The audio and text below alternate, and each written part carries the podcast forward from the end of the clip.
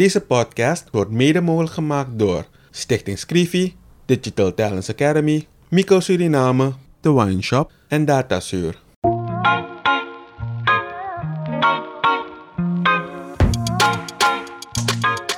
In een ontspannen sfeer praten journalist Kevin Hadley en challenger Vincent Kenswell met verschillende personen over de uitdagingen en de kansen van hun werkgebied. Samen proberen ze door oplossingsmodellen te bespreken positieve ontwikkelingen op gang te brengen.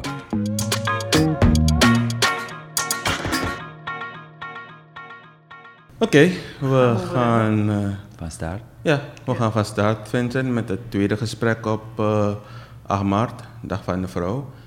En uh, in ons tweede gesprek hebben we weer een bijzondere vrouw, Carla Bakboord.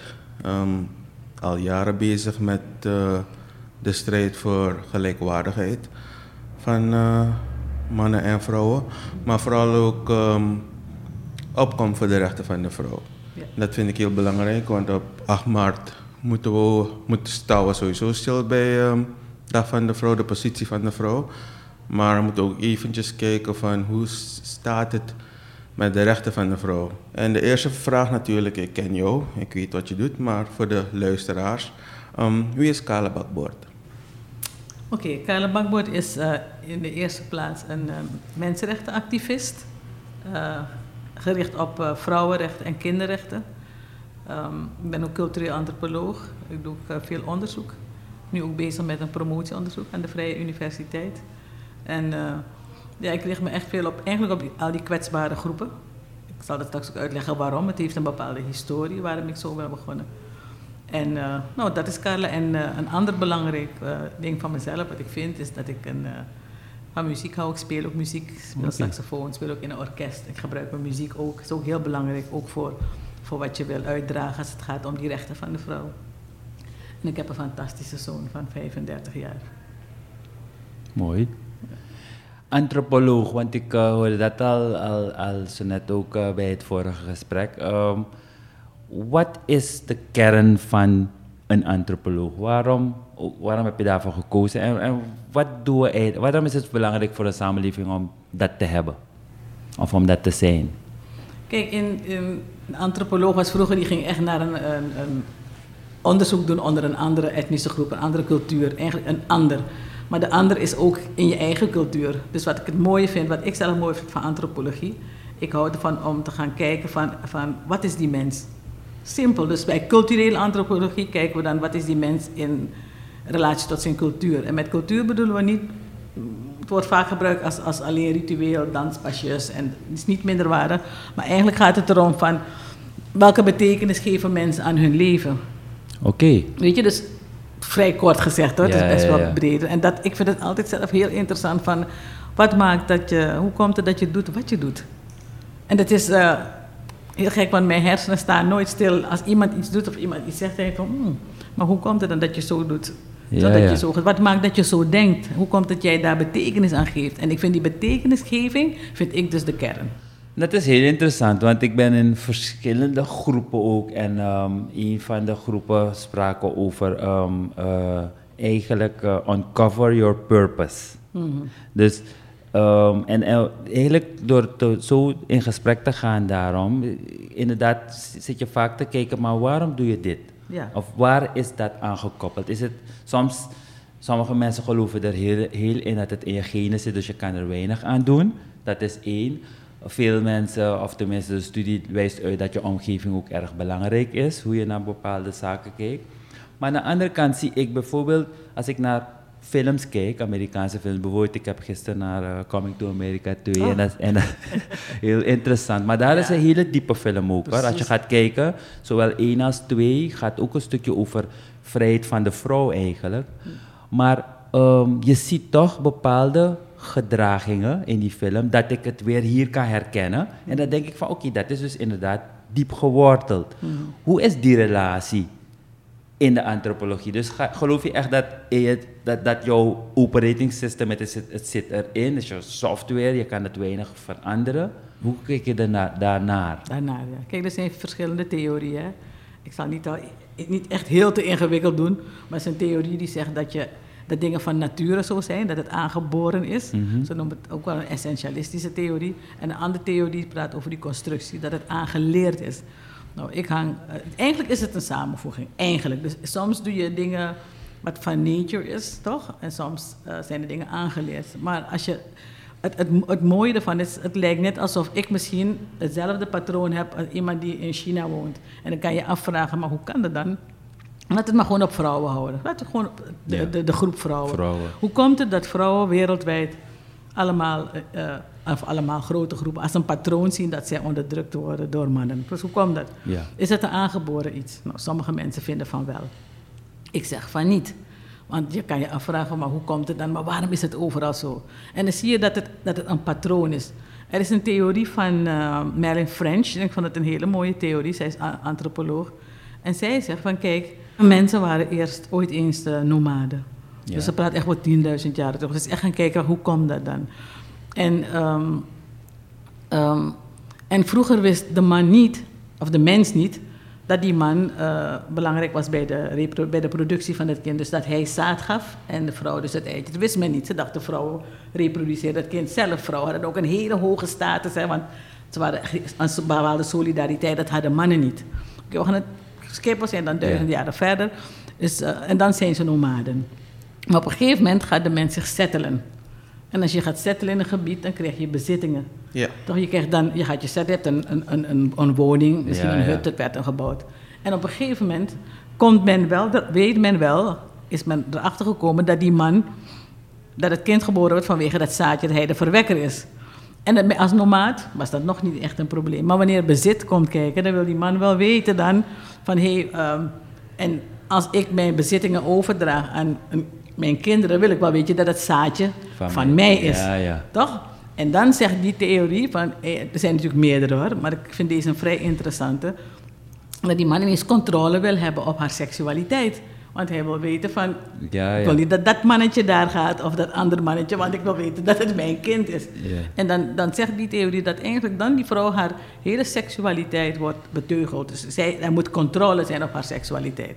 Nou, er zijn allerlei discussies over. Want je kan ook zeggen van kijk, die vrouw zou ook kunnen hebben gezegd... ik wil ook controle op die man zijn seksualiteit. Want als we beide controle hebben, dan komt er geen mannetje daar.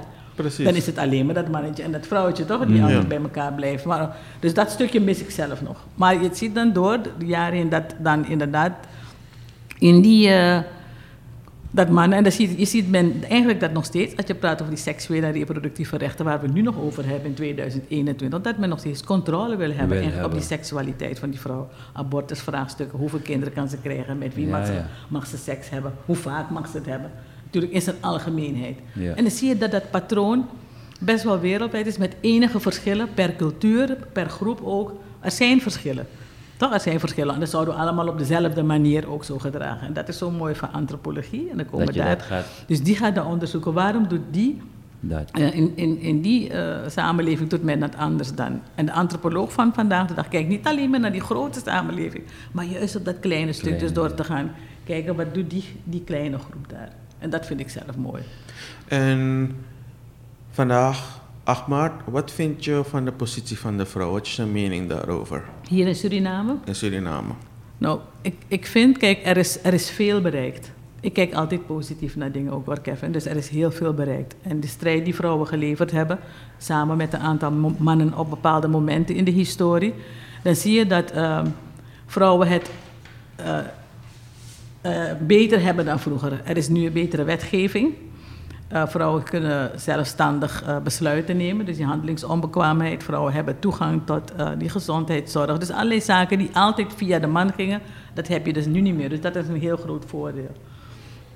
Tegelijkertijd zien we, dan komen we terug op dat patroon, dat, dat diep gewortelde wat Vincent net noemde. Dus dat bepaalde opvattingen zo diep geworteld zitten, dat, we ze, dat ook al is er wetgeving op het macroniveau, maar als je, kijkt naar, als je met je bril gaat kijken wat gebeurt er op het microniveau binnen die gezinnen, binnen de bedrijven, dan blijkt nog, nog steeds dat dat patroon, dat die vrouw toch nog eh, toestemming moet krijgen van anderen. Of dat al die instituten nog steeds die, dat oude patroon dus van het patriarchaat, dus dat die man moet besluiten dat die vrouw schuldig is, dat zien we nog steeds terug. Dus vrouwen hebben echt niet zoveel controle nog.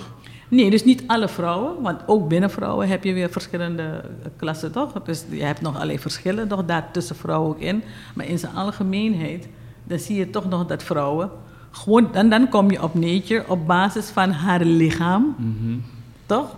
Gewoon omdat, ze daar, omdat daar een vrouw is, dan heb je daar een bepaalde opvatting en dan praten dan komt gender erbij kijken. Maar gewoon omdat ze een vrouw is, vinden mensen al van dan, dat ze dan behoort te voldoen aan een aantal normen en waarden. Die allang al niet meer gelden. Maar op een of andere manier houden we dat vast. En ik heb daar ook mijn eigen theorie over hoor. Want dat vasthouden.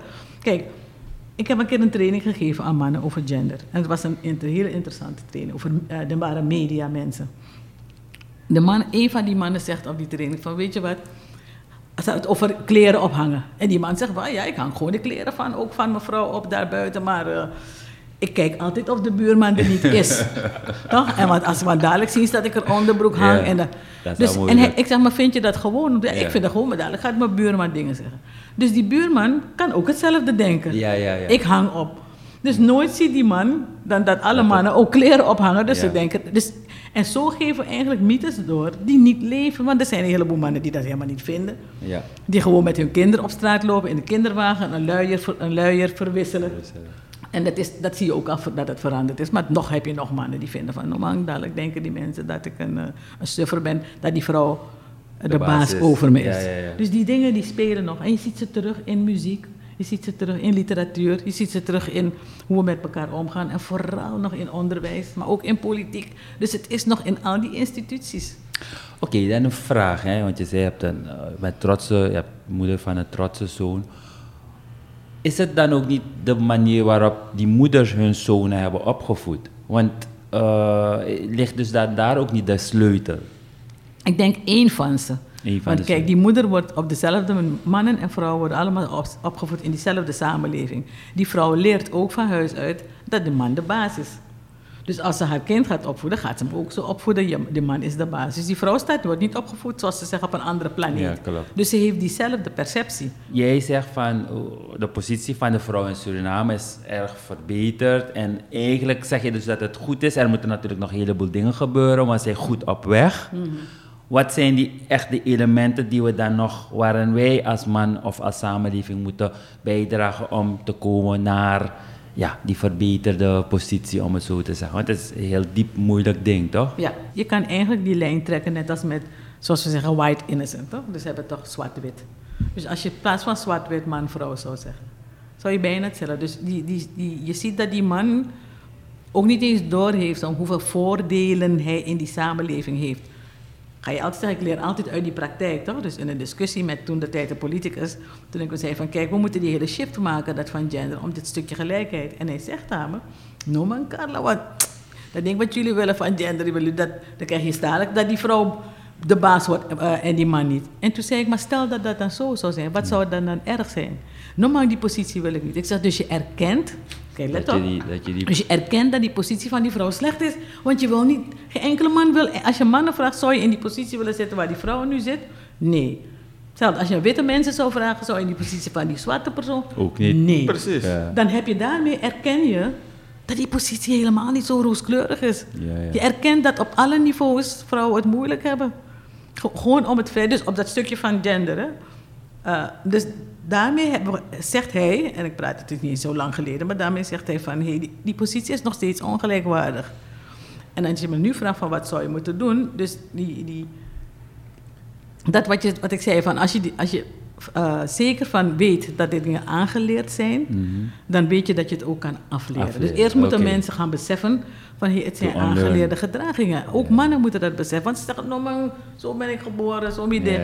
Ik zeg, kijk, als je als man zo bent geboren, dus ik praat over seksualiteit bijvoorbeeld. En mannen zeggen, ja, maar zo ben ik, ik heb die drift. Ik zeg, dan moeten we je opsluiten, want dan kunnen we je niet, kunnen je niet beteugelen, toch? Ja, dan klopt. ben je een gevaar voor die samenleving. Gevaar, zeg maar, ja. ik ken genoeg mannen die dat niet hebben, dus het is niet een aangeboren iets. Het is wat je hier tussen je twee oortjes hebt. Dus je moet het kunnen afleren. Je moet het is- kunnen afleren. Dus de key is inderdaad voor ons, want natuurlijk jongeren luisteren vandaag ook, ehm, eh, zonen en dochters. Ja. We moeten leren om dingen af te leren voor het goede. En dat is dus inderdaad, als we praten over man-vrouw, we zijn evenwaardig. Precies. Ehm, en eh, we gaan iets moeten opgeven tussen analyses. Wij mannen gaan iets moeten opgeven. Want Ja. we zijn in die vrijheid geboren, dus we gaan, die, we gaan het moeten opgeven. Of tenminste moeten delen, misschien hoe je het wil noemen. Hoe zouden we dat kunnen doen? Wat is het eerste makkelijkste? Want gewoon te zeggen, we hebben geen switch. Ja, ik ga, ik ga het gewoon meteen jongeren die luisteren. Laat me een simpel voorbeeld geven. Jongens leren dat stoere gedrag. Toch? Ja. Eigenlijk leren ze eigenlijk een beetje geweldig doen. Ik zei een neefje van me hield ook van om heel hard te rijden, langs te rijden. Ja, dan kijken die meisjes naar me. Ik zeg, niemand heeft je gezien, want je hebt hard gereden. Het meisje heeft je gewoon nooit gezien. Je moet heel langzaam rijden. Je kijkt naar haar, je zwaait. Ze heeft je auto gezien, je Precies. kleding. Dus er zijn een aantal percepties. Dus wat we met jongeren doen, is aan hen uit te leggen van kijk, het heeft voordelen voor jouzelf als je verandert. Want één, als je stoer gedrag leert, kijk maar gewoon naar de cijfers. Dat stoere gedrag, kijk hoeveel mannen in de gevangenis zitten, zijn voornamelijk mannen. Omdat ze kennelijk stoer moeten doen. Die man blijft vaarlijk, ik kan dat ding doen, niemand komt me wat zeggen. Toch? Als je kijkt naar de, naar de aanrijdingen, zijn voornamelijk jongens. En dat Ja. stoere heb je niet aangeboren gekregen. Dat heb je aan. Dus je moet jezelf zeggen van... Die vriend aan me zegt van... als we hard rijden, als we geweld doen, dan zijn we geweldig, zijn we stoer. Nee, dat ben je niet, want je hebt, het, het risico is voor jouzelf. Ja, het gaat ja. om jouw lichaam. Ja. En hetzelfde met seksualiteit. Anderen kunnen zeggen, je moet dit doen, dat doen. Hoef je ook helemaal niet te doen, want je hebt maar één lichaam. Dokters dingen, ook, dat, we zien dat ook. En ik praat met, ik ben blij dat de jongeren luisteren, want ik praat, het gaat echt ook om gezondheidsvraagstukken. Door dat stoere gedrag denken jongens soms ook van, nou man, ik ga niet naar de dokter, dat is een vrouwending.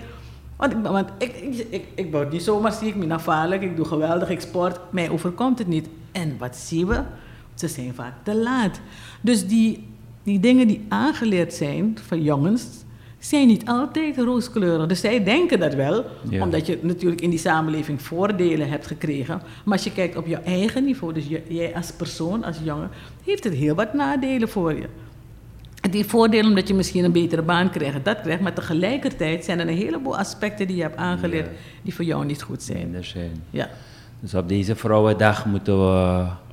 Je noemde daar iets aan cijfers, want ik denk dat we ook in onze samenleving nog te weinig eh, op die manier kijken naar die samenleving. Toch? Want inderdaad, als je hebt het over aanrijdingen, inderdaad, een heleboel jonge Ja. jongens zijn de afgelopen tijd omgekomen omdat ze hard reden of toch nog dronken rijden of weet ik veel. En dan is het weer een vrouw, een moeder die daar te maken heeft, dat Precies. trauma heeft, Precies. weet je. Dus het zal helemaal gek worden ook, toch? ja, Maar ik wil er toch op iets inhaken.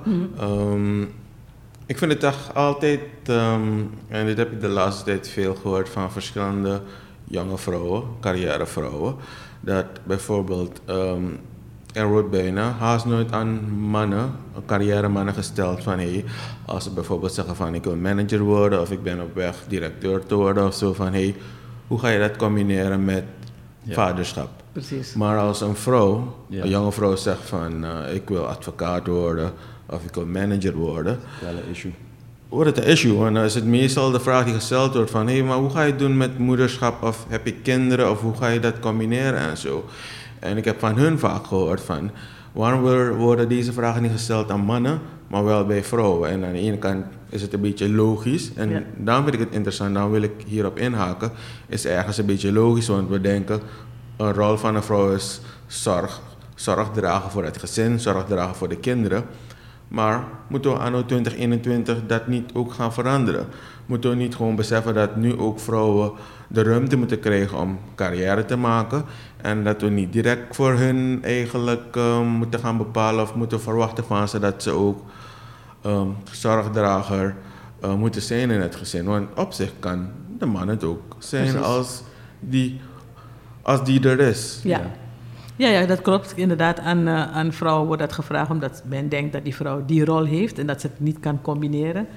Helaas werkt in de praktijk dat ook dan nog zo uit dat vrouwen die rol nog hebben. En dat je nog steeds ziet dat wanneer ze een partner hebben, dat die man niet in gelijke mate meehelpt, toch? Meedoet. Een heleboel jonge mannen heb ik al gezien dat daar een verandering in is. Dat een heleboel jonge mannen dat ook hebben.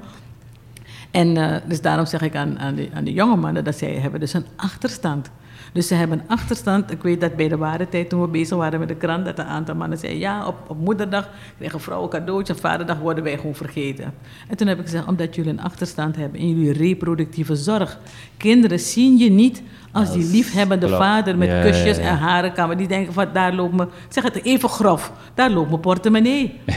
Weet je? Nee, nee, nee, nee, Weet je, dus zo. in, in zijn, want hij is de kostwinner. Ik zeg maar, je bent er niet in die, met die liefdevolle zorgmomenten. En die zijn zo waardevol. Want ik, ja, ik, ik, ik ken dat wel. Denk ik van, mijn vader wel. En ik denk dat een heleboel jonge kinderen dat nu ook dat die vaders hebben. Die zijn helemaal lopen weg van hun vader. Zorgen voor op vaderdag dat hij allerlei dingen krijgt. Niemand komt aan hun vader. Dat hadden die anderen ook, maar het is een andere soort zorg. soort zorg, ja. Dus wanneer je als jonge man een kind krijgt en je begint al samen mee te doen, toch?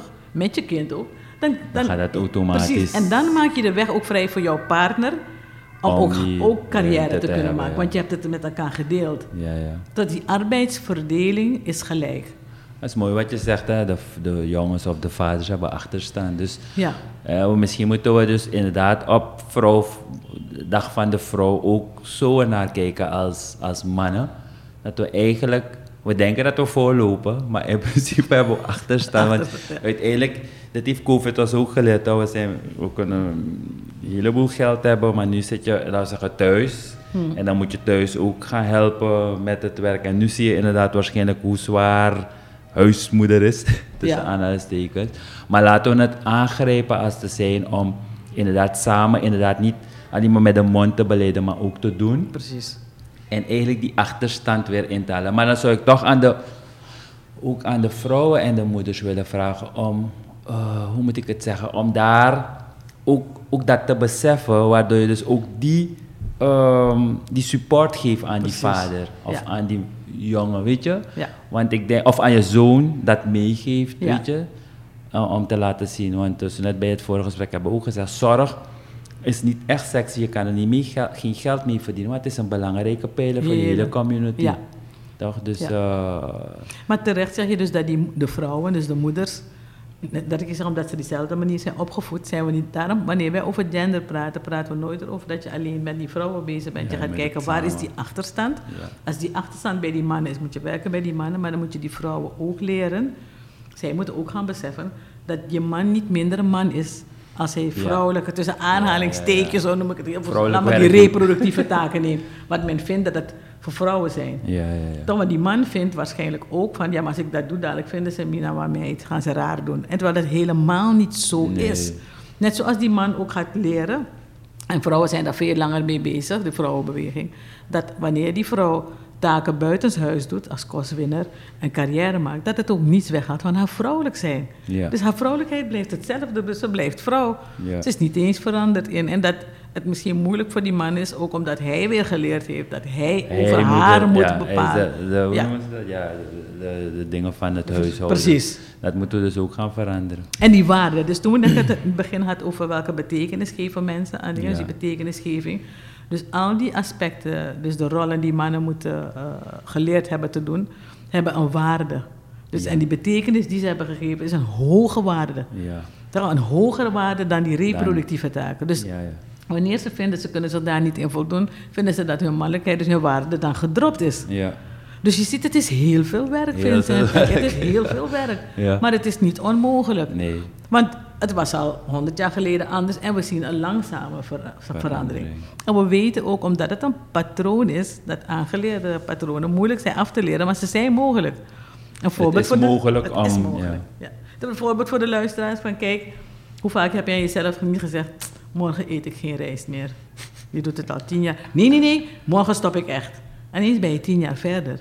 Dus afleren is ook moeilijk. Ja. Aanleren, maar een nieuw gedrag kan je sneller aanleren. Maar dat andere oude patroon, dat moet je leren. Ja. Moet je jezelf, zoals jij zei, eigenlijk, je moet heel eh, kritisch zijn, toch? Je moet opletten, je moet die zelfreflectie, toch? Ja, ja, moet, eh, en en het, het is mogelijk, maar er zijn genoeg mannen die dat zo doen en die helemaal niet minder man voelen. Maar die mannen moeten we horen. Ja.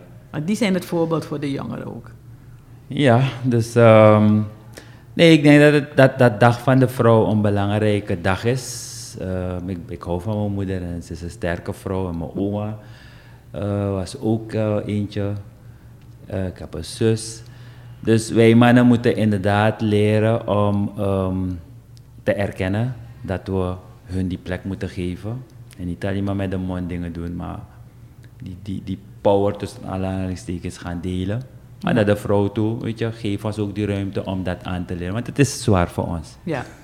Nee, dat, Het is zwaar. Dus eh, ehm, ik denk dat het, eh, ja, het zijn mooie dingen. En wat ik ook mooi vind is van wat ik wel zie, hè, dus antropologie, dus vanuit die kennis, dat is ook een van de dingen die ik wil meegeven aan, aan, aan zowel man als vrouw. Kennis blijft toch een belangrijke drijver om, om, om te groeien. ja.